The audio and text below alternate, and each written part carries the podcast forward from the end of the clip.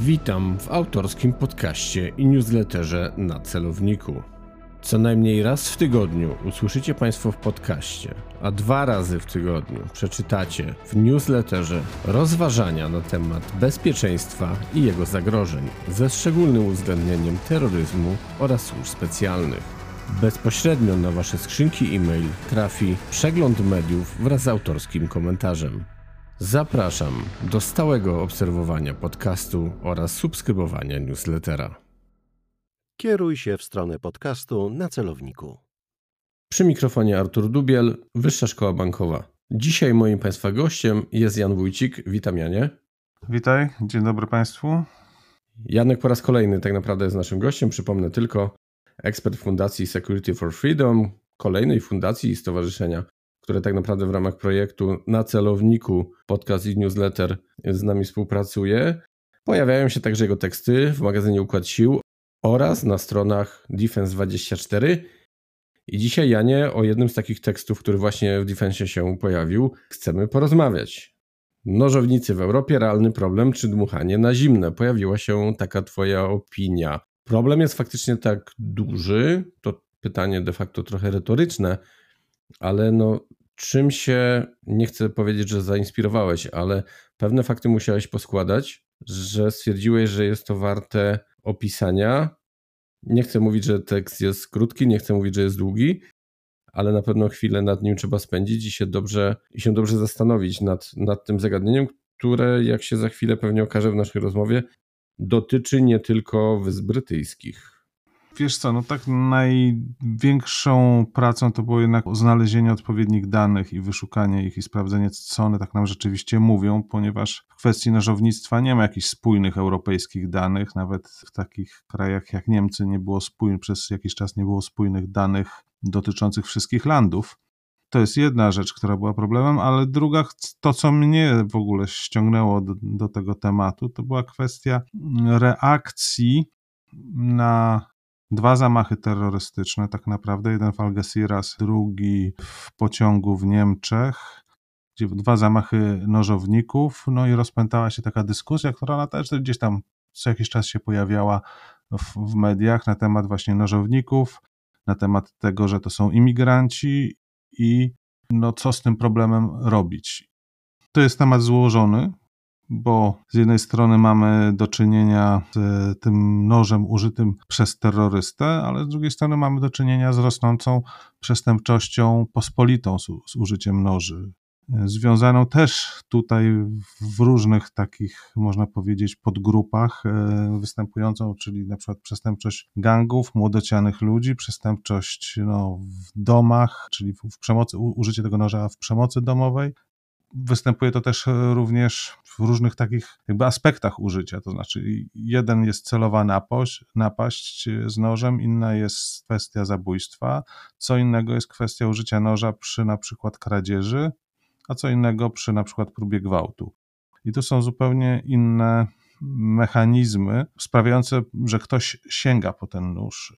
Więc jak media określiły to wszystko, rośnie sprawa przestępstw nożowniczych, no to pojawiło się pytanie, co rośnie, dlaczego, jak, gdzie, co z tym robić. Janku, pojawia się tak naprawdę tutaj kilka zagadnień, a właściwie kilka grup zagadnień, bym powiedział.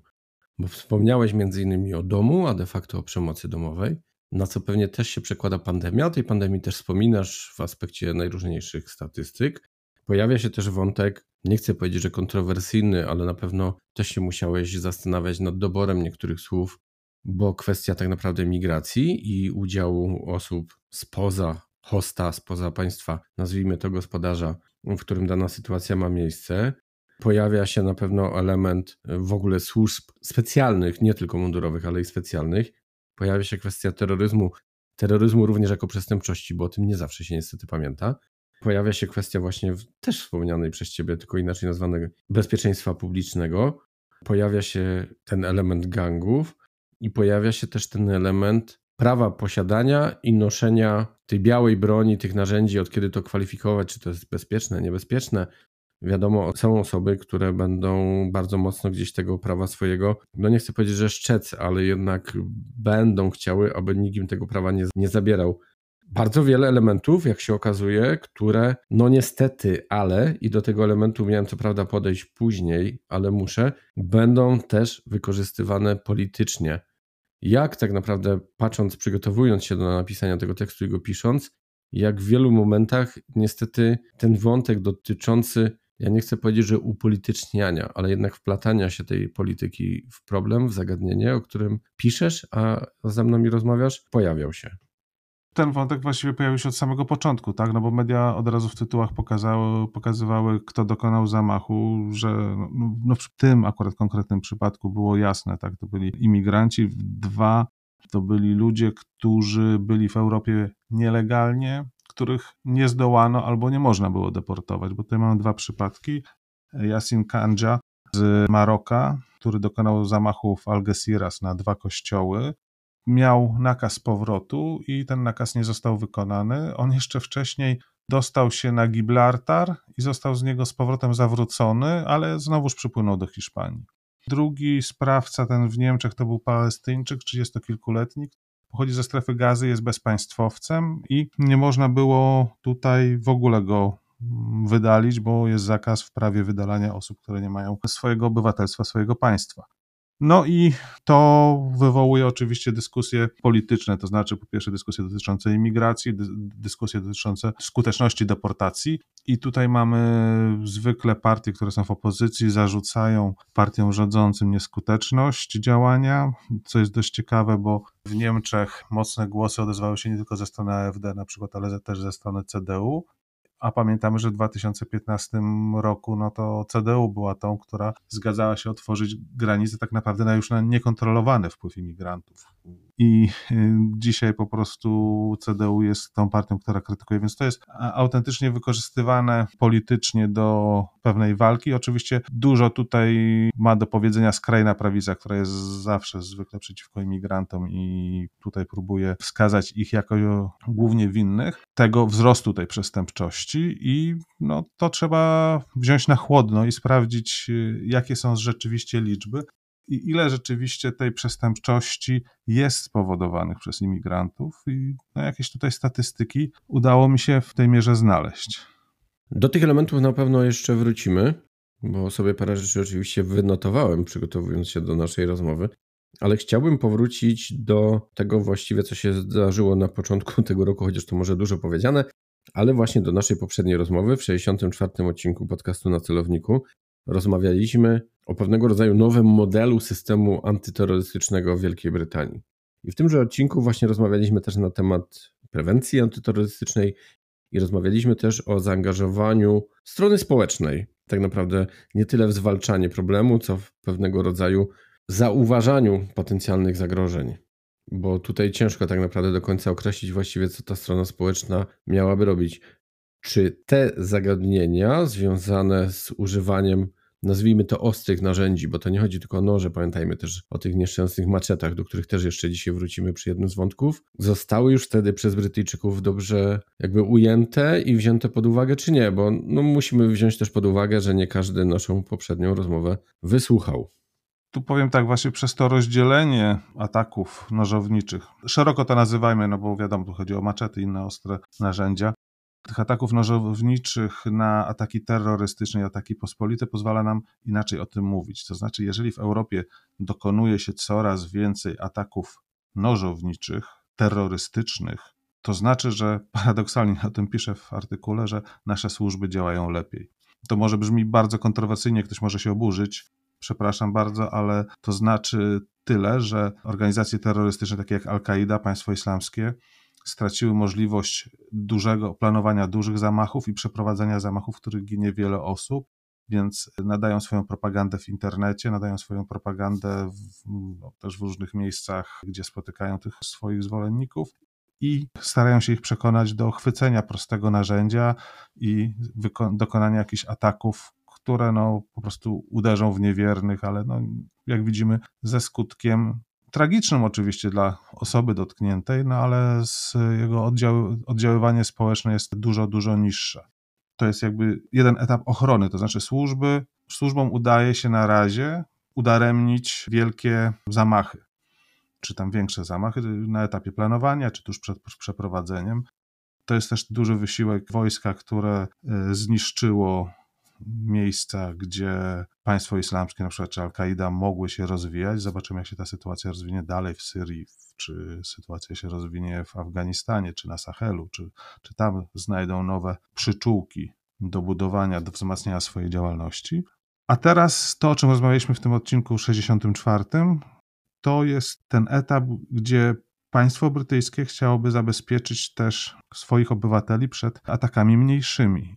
I tutaj kieruje uwagę obywateli do tego, żeby ci, którzy prowadzą biznesy, w których może się pojawić 100 albo 800 klientów, to są takie progi, jednocześnie na przestrzeni publicznej, powinni zadbać o tę przestrzeń publiczną, to znaczy umieć w jakiś sposób ten atak wyhamować, czy wyprowadzić ludzi drogą ewakuacji, czy szybko powiadomić właśnie policję, czy udzielić pomocy, jeśli ktoś zostanie już niestety zaatakowany, na przykład właśnie nożem. I to spowoduje, że więcej obywateli przeżyje takie ataki i będzie większa szansa na uniknięcie tego. To zostało trochę przedstawiane jako takie duże obciążenie dla przedsiębiorczości, ale tak naprawdę jest to jakaś e, pomoc, e, no i narzucenie pewnych wymagań, no bo umówmy się, bez wymagań to my niechętnie cokolwiek robimy. W pewien sposób niestety. Tak sobie też pomyślałem, że może warto, opracowując pewne programy, które mają nas ochronić przed takimi zdarzeniami, może też i sięgać do rozwiązań izraelskich, bo ten, ten, ten problem oczywiście o podłożu bardziej terrorystycznym niż przestępczym tam, tam znacząco istnieje. I jeszcze dwie rzeczy właściwie chciałbym też poruszyć. Pierwsza, no chyba nie dalej jak wczoraj, może przedwczoraj, czytałem o tym, że wtedy chyba szesnastolatka, która wyjechała z Wielkiej Brytanii, zdaje się do Syrii, teraz chce wrócić. No to też może dawać pewne rzeczy do myślenia. Ale a propos samej broni białej, przypomniały mi się też takie sytuacje, które miały miejsce i we Francji, i na Wyspach Brytyjskich. Pomówiłeś o wojsku i o wojsku, które tak naprawdę pewien problem, ja bym powiedział, że na jakiś czas likwidowały. A ja bym chciał powiedzieć o pewnym elemencie, o którym też ze studentami często rozmawiam, a właściwie trochę ich prowokuję do tego, by się zastanowili. No bo w dużym uproszczeniu, i niestety większość z nas chyba tak interpretuje zdarzenia o charakterze terrorystycznym, czyli kto zginął, ewentualnie kto był ranny, tak? Nie bierze się mhm. pod uwagę za bardzo ich rodzin, znajomych, współpracowników, ludzi, którzy potem jakieś traumy mają, mimo że fizycznie żadnych ran nie odnieśli, ale zawsze ich pytam na tych przedmiotach związanych z terroryzmem, właśnie jakie są inne potencjalne zagrożenia i co dalej, tak? Bo to nie jest tak, że coś się wydarzyło, koniec, kropka. I właśnie te wydarzenia we Francji i Wyspach Brytyjskich dla mnie są takim punktem wyjścia zawsze do takiej dyskusji, bo wspominam im o atakach na mundurowych, bo tak łatwiej powiedzieć, nie rozdzielając już ani na żołnierzy czy funkcjonariuszy najróżniejszych służb, kiedy uzbrojony mundurowy jest atakowany, tak? Bo nawet na Wyspach Brytyjskich, pamiętam taką sytuację, został zaatakowany patrol i tam była próba, już nie pamiętam czy skuteczna, czy nie, dekapitacji, czyli obcięcia głowy. Tak. I jaki jest tego efekt? To nie jest tylko śmierć czy zranienie danego funkcjonariusza, ale zobacz, co się w pewien sposób psychologiczny właściwie dzieje na całym społeczeństwie.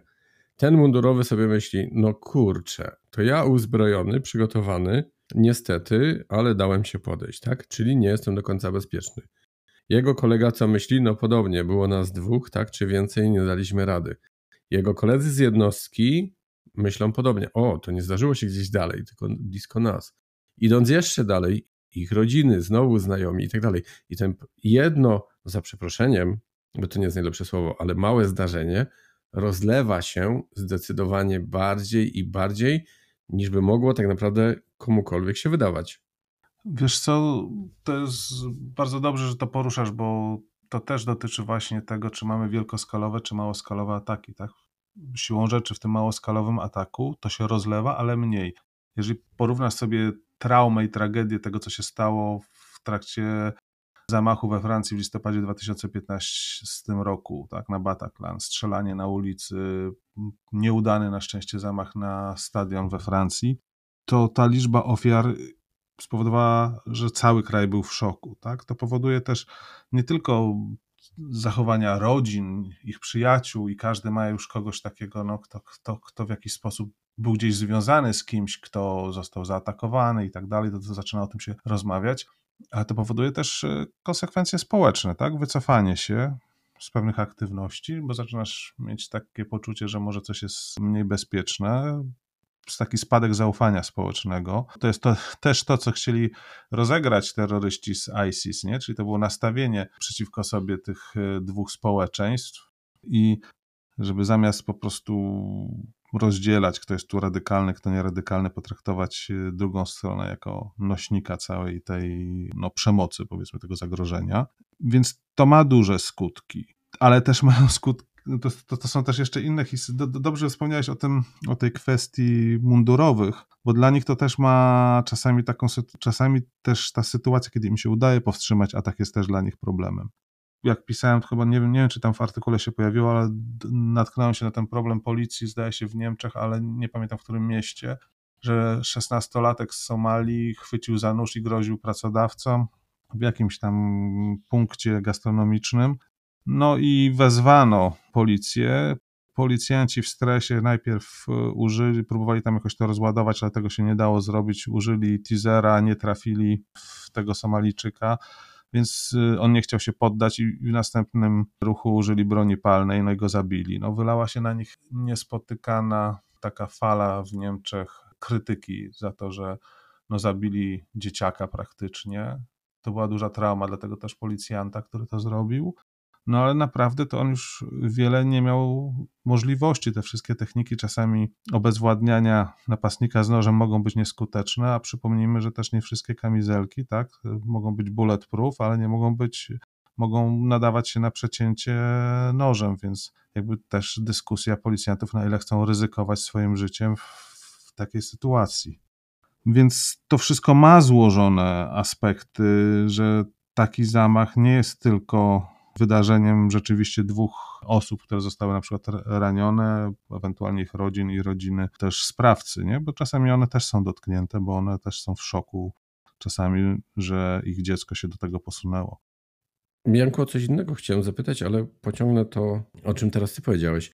Nigdy, powiem szczerze, nad tym się nie zastanawiałem. Teraz dopiero dwie kropki gdzieś mi się połączyły, bo być może też celem terrorystów jest to, aby angażować jak najmłodsze osoby do danego zamachu, bo niestety prawodawstwo w poszczególnych krajach, również i u nas, wprowadza pewne obostrzenia w wykorzystaniu i zastosowaniu pewnych środków względem osób, właśnie ze względu na ich wiek. I tutaj też się rodzi tak naprawdę problem, bo czasem nie wiadomo, e, co zrobić. Wielu mundurowych, nawet i u nas w kraju, nie do końca sobie też zdaje sprawę, że chociażby ustawa o użyciu środków przymusu czy broni palnej, no też daje pewne ograniczenia, chociażby wobec osób, wobec których mamy podejrzenia co do ich kondycji psychofizycznej, tak? Tak. I tutaj jest tak naprawdę niemały problem. Ale ten jakby ważniejszy wątek, o którym e, chciałem powiedzieć, bo była kiedyś dyskusja o zaostrzaniu granic, służby stawały się coraz bardziej skuteczne, o czym i też ty piszesz. I chciałbym właśnie poznać Twoją opinię trochę pogłębioną względem tego, co napisałeś. Był ten czas właśnie uszczelniania granic i kiedy te służby faktycznie zaczynały różne swoje sukcesy odnosić, tego terroryzmu, umówmy się, w Europie zaczęło się stawać coraz mniej. Niemniej ostrzegałem kiedyś sam w mediach w ramach jakiegoś jednego z wywiadów, że terroryści zmienią swoje narzędzia. Nie myślałem akurat wtedy o aucie, myślałem raczej właśnie o, o ostrych narzędziach, ale do myślenia właśnie dał mi wtedy i samo zdarzenie, i późniejszy ten wywiad po zamachu na pasażu Anglików, tak? Kiedy gość, który wynajął ciężarówkę, rozjeżdżał najnormalniej w świecie ludzi, i wtedy był właśnie ten, znaczy może nie, że wtedy był, ale na pewno unaocznił się pewien problem związany z tym, że przecież nie będziemy zastanawiać się, czy już mówiąc kolokwialnie, śledzić każdego, kto wynajmie samochód, każdego, kto kupi sobie jakiś nóż, tasak, maczetę, tak? No bo to zaczyna być problem. Znowu byśmy musieli oddać część swoich pewnych praw na rzecz bezpieczeństwa, tak? Co wiadomo, w pewnym momencie może stać się, no mówmy się, niebezpieczne, ale znowu dla samych społeczeństw w stosunku właściwie do nierównej relacji tak naprawdę z rządzącymi. No tak, to, to jest zawsze ten problem wolności i bezpieczeństwa. Myśmy w pewnym momencie, tworząc nazwę naszej fundacji, uparli się, że to ma być bezpieczeństwo dla wolności, Security for Freedom, ponieważ uważamy, że to bezpieczeństwo powinno służyć wolności. Rzeczywiście bezpieczeństwo, bezpieczeństwo też służy naszej wolności funkcjonowania w świecie. To znaczy, jeżeli popatrzysz sobie na wymogi dzisiaj związane z kontrolą na lotniskach i z tym, co możemy wnieść do samolotu i ile, z jednej strony można powiedzieć, no, naszą wolność ograniczono, ale w sytuacji zagrożeń naszą wolność do podróżowania ochroniono, bo możemy dalej podróżować i jest mniejsze ryzyko, że no praktycznie już dawno chyba nie słyszało się o porwaniach samolotów czy o wysadzeniu bomby w samolocie, więc mamy tutaj, no, rozbija to mit tego, że zawsze bezpieczeństwo, zwiększanie tych środków bezpieczeństwa ma ograniczać naszą wolność. Ale wracając do tego, co ty mówisz, to rzeczywiście to by było zupełnie trudne no bo już jak kontrolować noszenie noży, jak kontrolować mm, noszenie, właśnie wynajmowanie samochodów i jeżdżenie tym samochodem, zwłaszcza, że często, no, no właśnie, dokonują to za pomocą wynajętego samochodu, nie? Jak ktoś wynajmie samochód, to skąd wiemy, kim on jest i tak dalej, nie? Więc to jest problem. Oczywiście służby mogłyby po prostu wymagać jakiegoś integracji, powiedzmy, baz danych, że ktoś wynajmie samochód, y, poda jakąś, y, załóżmy swój, swoje ID, tak, i tu się zidentyfikuje, że to jest facet, którego no, w jakiś sposób obserwujemy, więc, więc zaczynamy to sprawdzać. Ale, ale tak naprawdę to ukradnie samochód, posłuży się fałszywym dowodem i dalej te, przeciwko temu takiemu już y, małoskalowemu atakowi nie jesteśmy w stanie tutaj nie, jakby od strony, wydaje mi się, służb i pilnowania przestępców, terrorystów nie jesteśmy w stanie wiele zrobić, ale z drugiej strony, no właśnie to, o czym rozmawialiśmy w poprzednim odcinku, możemy przygotować przestrzenie publiczne i nas samych na to, żeby zmniejszyć y, dotkliwość tych ataków, żeby zmniejszyć jakby oddziaływanie tego. I to jest też w pewien sposób w tej chwili, tak sobie myślę, że to nie jest tylko taka krótkofalowa decyzja, dlatego że jeżeli te ataki rzeczywiście będą mizerne, będą odnosiły słaby skutek, no to przecież terrorystom, którym chodzi głównie o to, żeby nagłośnić swoją sprawę poprzez ten atak, no krótko mówiąc, odechce się w pewnym momencie tego robić, no bo po co robić coś, co nie przybliża nas do sukcesu? Ja nie, ja chyba nie do końca bym się z tym zgodził, ale to teraz, okay. że tak się wyrażę, uzewnętrzniam gorące swoje myśli, analizując to, co mówisz, bo oczywiście patrzymy i mówimy właściwie teraz o zachodzie Europy, ale bo za chwilę będę chciał się przenieść trochę na nasze krajowe podwórko i do, do co najmniej dwóch rzeczy się odnieść, a ta właściwie będzie trzecia, ale to tak na żywo trochę idzie. Pamiętasz ataki e, na polityków? Tam użyto broni palnej, tak, w Polsce. Ale tak. też nie jest problemem użycie przecież właśnie tych narzędzi ostrych, broni no, mieliśmy białej, też atak większej. na polityka z, z nożem, tak? Tak, tak, więc tutaj wiesz, ja się tak zastanawiam, próbując trochę wejść w głowę potencjalnego sprawcy, czy to by mnie zniechęciło? Myślę, że jeżeli miałbym czegoś dokonać, to chyba mimo wszystko robiłbym wszystko, żeby tego dokonać, nie identyfikując się przecież z żadną organizacją terrorystyczną, a skupiając się gdzieś na własnych poglądach, czy no umówmy się, no zabójstwo też prezydenta Adamowicza, tak? Tak. No, to, to są takie sytuacje, które no niestety mają też miejsce w Polsce. Oczywiście do tej pory w naszej rozmowie głównie skupialiśmy się właściwie na aspektach związanych z terroryzmem. Nie? Kiedy on ma miejsce? No prawda jest niestety trochę smutna, bo no wtedy, kiedy prokurator to tak zinterpretuje i będzie chciał w tą stronę z zarzutami pójść, jeżeli nie będzie chciał tego zrobić, to tego terroryzmu, brzydko mówiąc, nie będzie, a ofiarą, czy tym bezpośrednim, czy tym pośrednim, brzydko mówiąc, jest w tym przypadku chyba wszystko jedno, nie? Jasne. Masz pełną rację, tylko ja bym chciał zwrócić na, na kilka rzeczy uwagę, tak? To, czy prokurator decyduje, to jest kwestia tylko jakiejś tam płynnej granicy, nie? Czyli czegoś, co może, można, nie można użyć. Czasami są ewidentne rzeczy i prokurator tutaj nie, nie może specjalnie pójść w zupełnie inną stronę.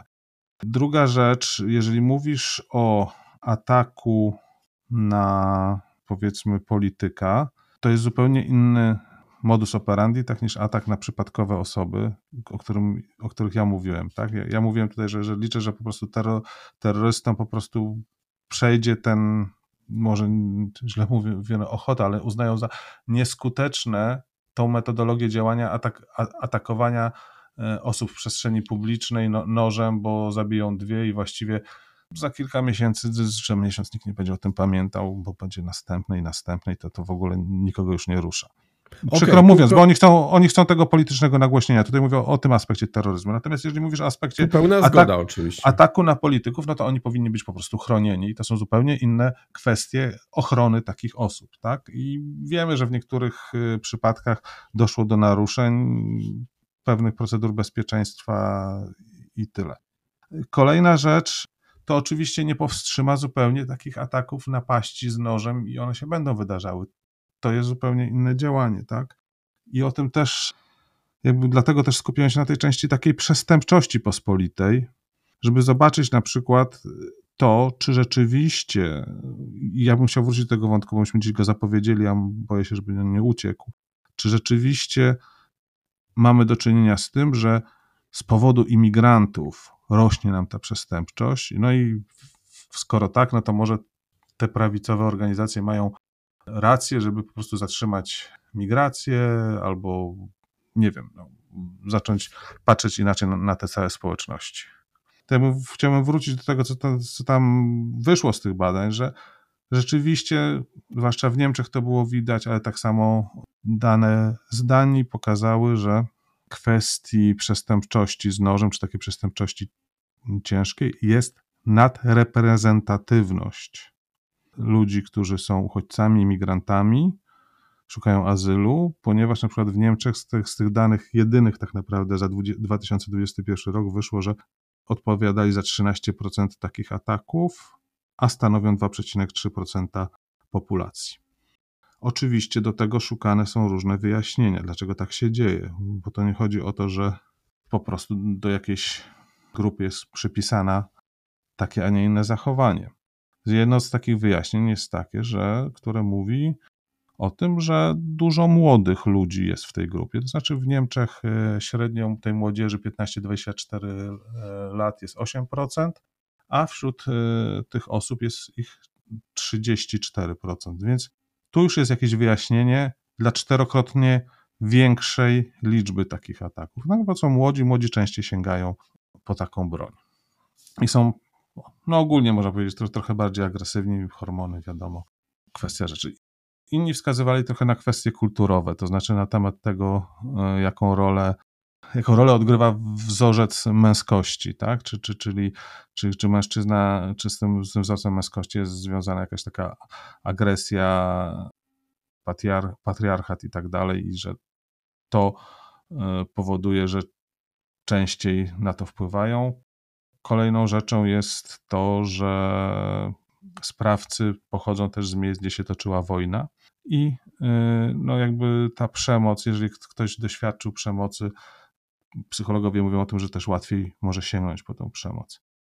Ale tutaj chyba też duże wyzwanie, Janku, dla, bo ten argument jakby ostatni taki, no dość mocno przynajmniej do mnie przemawia, ale to znowu rola chyba znowu właśnie tego wspomnianego państwa gospodarza, które powinno pomóc tej osobie tak naprawdę dostosować się do nowych warunków, pozwolić jej zrozumieć, że w tym miejscu jest bezpieczna i że sięganie po takie metody chyba nie jest e, najlepsze. Janek, ja mam takie wrażenie, że to jest w ogóle. Ja bym się chciał tutaj ci, ci wciąć jeszcze, przepraszam bardzo, ale właśnie to właśnie do tego zmierza, że to jest wszystko kwestia działań państwa gospodarza, dlatego że jeżeli popatrzysz na to, że okej, okay, ich jest więcej w tych, większy udział mają w tych zamachach, ale tych osób jest kilkaset, tysiąc w stosunku do populacji rzędu półtora, dwa miliony osób, no to pokazuje ci to, że to nie chodzi o tą populację, tylko chodzi o jakąś grupę, która nie została odpowiednio przyjęta, odpowiednio zaadresowana, jak ktoś mówi brzydko po angielsku, na polskie to jest słabo, to mi przetłumaczy, ale jakby nie, nie została odpowiednio potraktowana przez państwo, tak żeby do tego nie doszło. I, i to jest właściwie klucz problemu i to, dlatego ja tutaj zawsze wracam do Matiasa Tesfaye, syna etiopskiego imigranta z socjaldemokracji y, w Danii, ministra do spraw integracji, który właśnie po to rozdzielił statystyki do spraw przestępczości, żeby wydzielić na przykład ludność z tego szerszego obszaru Bliskiego Wschodu, północnej Afryki, bo wiedział, że tam te statystyki inaczej wyglądają i trzeba inaczej podejść do tych ludzi, a nie po to, żeby ich po prostu zamknąć kraj i ich wszystkich wydalić. To, to, to jakby to chciałem podkreślić mocno. Jeśli dobrze pamiętam, to zdaje się, że był za to bardzo mocno krytykowany. Janek, ale musimy ten temat uciąć. Wydaje mi się w ogóle, że to jest rozmowa, a właściwie wątek na wręcz na całkowicie osobną rozmowę, bo tu jest dużo ciekawych właśnie elementów do, do poruszenia, do zrozumienia tak naprawdę zagadnienia, dlaczego niektóre sytuacje mają miejsce, a chciałbym jeszcze o tym polskim podwórku powiedzieć, bo dwa z trzech elementów, które zapowiadałem, nie zostały poruszone. Pierwsze, mówiłeś między innymi też i pisałeś o nakazach opuszczenia Europy. Dla niektórych osób oczywiście te nakazy nie były realizowane. No, mnie od razu też się nasuwa to samo, co miało miejsce i ma pewnie dalej w Polsce. Też tych osób, brzydko mówiąc, się nie pozbywamy. I tutaj też widzę pewnego rodzaju odniesienie, takie przecież nie dalej, mniej właściwie niż dekadę temu. Ja to bardzo często podkreślam i o tym mówię Włosi zgłosili całej Unii Europejskiej problem, tak, z nielegalną migracją, nie wiedzieli co robić i po raz enty to powtórzę. Dalej chyba w Europie nie mamy pomysłu, jak e, reagować, jak działać. Pojawia się kolejny, brzydko mówiąc, przykład, który to potwierdza. Sytuacja na polsko-białoruskiej granicy również, bo oczywiście stoimy murem za polskim mundurem, ale widzimy i mamy też wątpliwości co do niektórych rzeczy. I tu się wydaje, że, że pewne problemy niestety mogą się jeszcze nawarstwiać. Jak dołożymy jeszcze do elementów związanych czy to z terroryzmem, czy z pewnymi zagadnieniami około hybrydowymi, tak to nazwę, bo nie specjalnie też za tym pojęciem przepadam, no to Rosja, która też między wierszami straszyła Europę znowu terroryzmem, no wydaje się, że ten element też może zostać nie tylko w rosyjskiej propagandzie wykorzystany, ale być może i w pewnym inspirowaniu i działaniu. Ale drugi taki polski wątek to, to przypominają mi się też wojny kibolskie. Parę dobrych lat temu też trochę się rynek sztam trochę przewartościował, pozmieniały się układy i my oczywiście w przestrzeni medialnej słyszymy, tak, że ci pseudokibice starli się z tamtymi, tam wiadomo, wyższa kultura bez sprzętu, czasem ze sprzętem, ale tak naprawdę bardzo często rywalizujące ze sobą rzekomo grupy, jak się okazuje w przestępczości, zwłaszcza narkotykowej, bardzo mocno ze sobą współpracują i co ciekawe, znowu mamy kolejną klamrę. Przecież część z tych grup też czerpała korzyści właśnie z przemycania osób do Europy. Więc tutaj ten problem na naszym podwórku wcale nie jest jakiś wyizolowany i nie chcę powiedzieć, że nie jest mniejszy, ale jednak ten problem istnieje i on za chwilę też się może gdzieś niestety uaktywnić. Nie wiem, szukam znowu dobrego słowa. No, część osób, może zacznę od końca, a potem jeszcze odpowiem na to poprzednie pytanie, bo część osób, część osób wskazuje na to, że ten problem z y, atakami nożowników i z częstszym używaniem noża to jest też problem kulturowy i to jest problem rozrostu takiej kultury przemocy. Niektórzy wskazują tutaj, ja nie chcę winić zupełnie muzyki, no ale wskazują na, na rozwój różnych gatunków rapu, gangsta rapu, który po prostu gloryfikuje tą przemoc, więc to gdzieś trafia też do młodych. Kiedy ta przemoc wśród młodych narasta, to zaczyna się trochę robić takie zamknięte koło, to znaczy z jednej strony ktoś może być sprawcą i nosi nóż, a z drugiej strony ktoś może być ofiarą i z tej obawy tego, że nikt mu nie pomoże, też zaczyna nosić nóż. I, i to wszystko zaczyna się napędzać, yy, zwłaszcza jak są gangi albo jak powiedziałeś wcześniej, kluby, które realizują, rywalizują ze sobą. To wmieszana jest też przestępczość, no i to rzeczywiście nie musimy mieć dużej imigracji, żeby po prostu te problemy też się i u nas pojawiły. I to ci powiem, jeszcze tutaj tak nawiążę do. Trafiły do mnie ostatnio kanał na Twitterze, którego nie chcę podawać, bo to jest troszeczkę patologia, gdzie pokazuje bójki szkolne. Ja na dobrych kilka godzin wsiąknąłem, patrząc w ten kanał, co tam się dzieje. I te bójki szkolne, głównie Stany Zjednoczone, trochę Wielka Brytania, nie wyglądają tak jak za naszego dzieciństwa, że trochę sobie tam daliśmy po twarzy, albo się ktoś na trawie pouderzał i to trochę było taką parodią są bardzo profesjonalne. Widać, że dzieciaki są wyszkolone. Często są to grupowe walki, kilku na jednego albo kil, kilka osób na kilka osób. Często to też wykorzystują techniki znane z MMA, czyli na przykład zejście do parteru i wtedy widziałem w kilku filmach, na przykład w przestrzeni miesiąca, i film, tych filmów jest masę. W kilku filmach widziałem, że jeden chłopak chwycił drugiego chłopaka poniżej pasa, podniósł do góry i rzucił głową na beton w szkole. No i tam było widać paraliż już, z tego co ludzie pisali w opowieściach, że te osoby po prostu, no i ta osoba doznała po prostu uszkodzenia kręgosłupa, a druga osoba trafiła do więzienia i taki był ich koniec, wydawałoby się, niewinnej szkolnej, nie chcę mówić niewinnej, no ale szkolnej bójki. I to y, dlatego o tym mówię, dlatego że po prostu no, jakoś ta przemoc przenika coraz bardziej do młodego społeczeństwa. Ja bym też nie chciał demonizować tylko młodych, no ale to, to się wydarza i to nie jest tylko związane właśnie z tym, że będziemy mieli zaraz migrację w Polsce i to będzie powodowało, że ta przemoc rośnie. To, to jasno mówię. I teraz wracając do pierwszego pytania. To, co mówiłeś o, to, o kwestiach deportacji i problemów z pushbackami.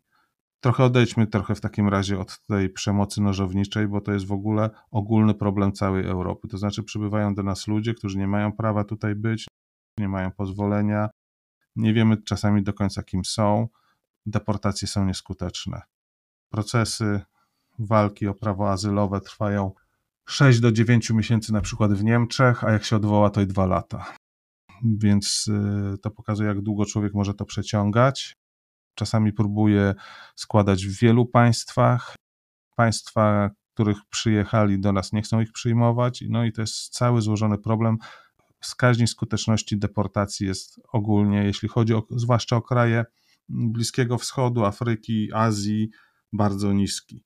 I na to jakby kraje frontowe, powiedzmy, czyli te kraje graniczne Unii Europejskiej, gdzie tam migracja próbuje docierać nielegalnie, czyli takie właśnie jak Polska, ale bardziej w tym roku Austria, Węgry, Rumunia, Bułgaria, Chorwacja starają się po prostu działać no, w taki sposób, że nie dopuszczają w ogóle do pojawienia się tych ludzi na terytorium, czyli robią te pushbacki, które według jednych uznane są za sprzeczne z prawem międzynarodowym, według innych, e, którzy, którzy powołują się na orzeczenie Europejskiego Trybunału Praw Człowieka w sprawie zmylili, że są zgodne. Natomiast no, no to jest taka ucieczka w, w pewną szarą strefę, bo nie potrafimy sobie z tym poradzić, bo właśnie nie mamy tych umów z krajami pochodzenia o przyjmowaniu, readmisji imigrantów.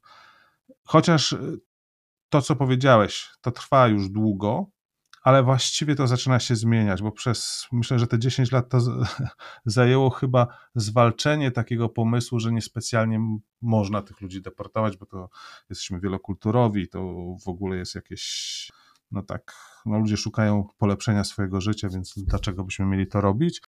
I Unia Europejska już szuka różnych powodów. Ostatnio podpisano umowy, gdzie nie jesteśmy, gdzie nie możemy, które, które zabronią tak imigrantom robienia tak zwanego asylum shopping, czy, czy asylum shopping, czyli po prostu składania wniosków azylowych w kilku krajach. Będzie wspólna baza, będzie można składać w jednym.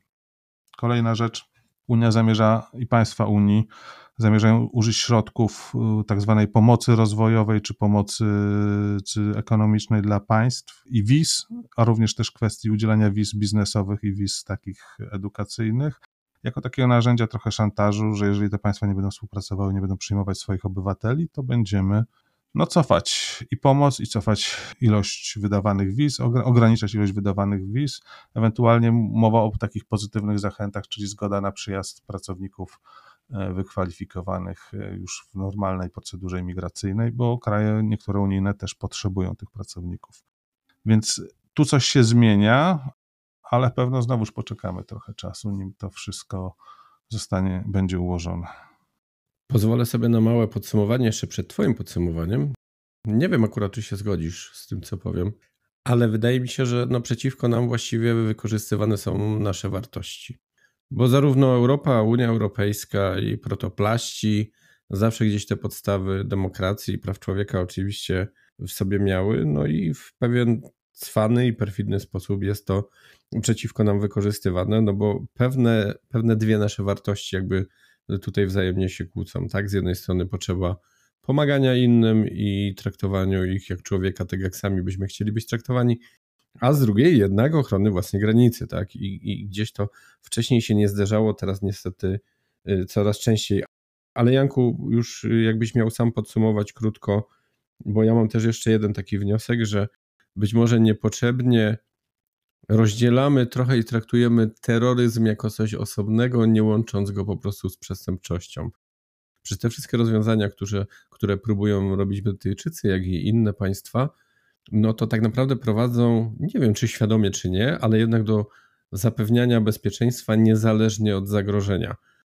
A my chyba trochę, również i w Polsce, mm, staramy się te zagrożenie traktować trochę osobno i nawet patrząc na cały system antyterrorystyczny, ochrony antyterrorystycznej, czy, czy jak to zwać, no to nawet mamy podmioty łącznie z poziomem operacyjnym tegoż systemu, który zajmuje się właśnie no tylko terroryzmem, a tymi innymi zagrożeniami nie.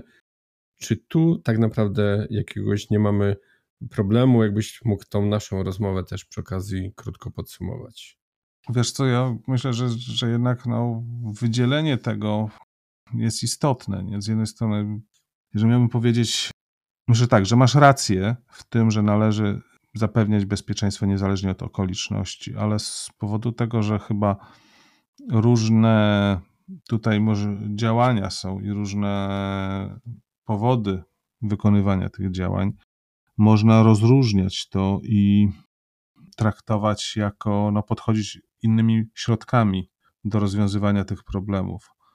Oczywiście zgadzam się z tym, że no, jak kogoś zabili, to małe ma znaczenie dla niego, czy dla niego to może już nie, ale dla jego rodziny, czy zginął z powodów e, cudzej ideologii, czy zginął z powodów tego, że ktoś chciał zabrać mu portfel. Po prostu nie żyje i to bezpieczeństwo powinniśmy mu zapewnić, powinniśmy byli zapewnić. To jest trudne pytanie, wiesz, bo, bo, może w tej chwili, tak jak je zadajesz, to myślę, czy to nie chodzi o, też o to, że z czym innym powinniśmy się zajmować, kiedy myślimy o takim terroryzmie, który jest wielkoskalowy, gdzie szukamy tych organizacji terrorystycznych, jak one działają, a czym innym po prostu zajmować się, y, kiedy no, ten atak nożem rzeczywiście niespecjalnie się różni już od tego, czy, czy on miał podejście ideologiczne, czy nie miał tego podejścia ideologicznego. Tutaj praktycznie środki zabezpieczenia mogą być bardzo podobne.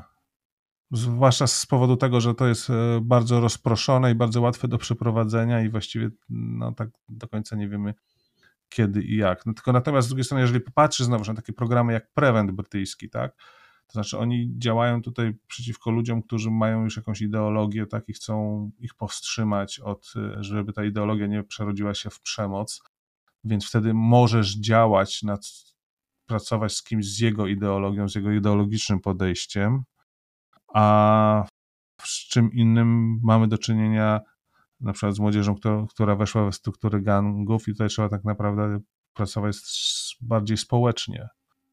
I niech naszym wspólnym wnioskiem będzie to, że tak naprawdę każdemu należy zapewnić bezpieczeństwo. Dzisiaj gościem podcastu na celowniku po raz kolejny był Jan Wójcik z Fundacji Security for Freedom i publicysta w magazynie Układ Sił oraz Defense 24. Bardzo serdecznie dziękuję i kłaniam się nisko. Dziękuję bardzo za zaproszenie. Bywajcie zdrowi, bywajcie bezpieczni. Kieruj się w stronę podcastu na celowniku. Wszystkie odcinki podcastu na celowniku dostępne są w ponad 20 największych platformach podcastowych, a także w serwisie YouTube. Zapraszam także do subskrybowania newslettera na celowniku pod adresem nacelowniku.artur.tel. Jeśli doceniasz podcast i newsletter na celowniku, zapraszam do wspierania w serwisie Patronite pod adresem patronite.pl ukośnik na celowniku.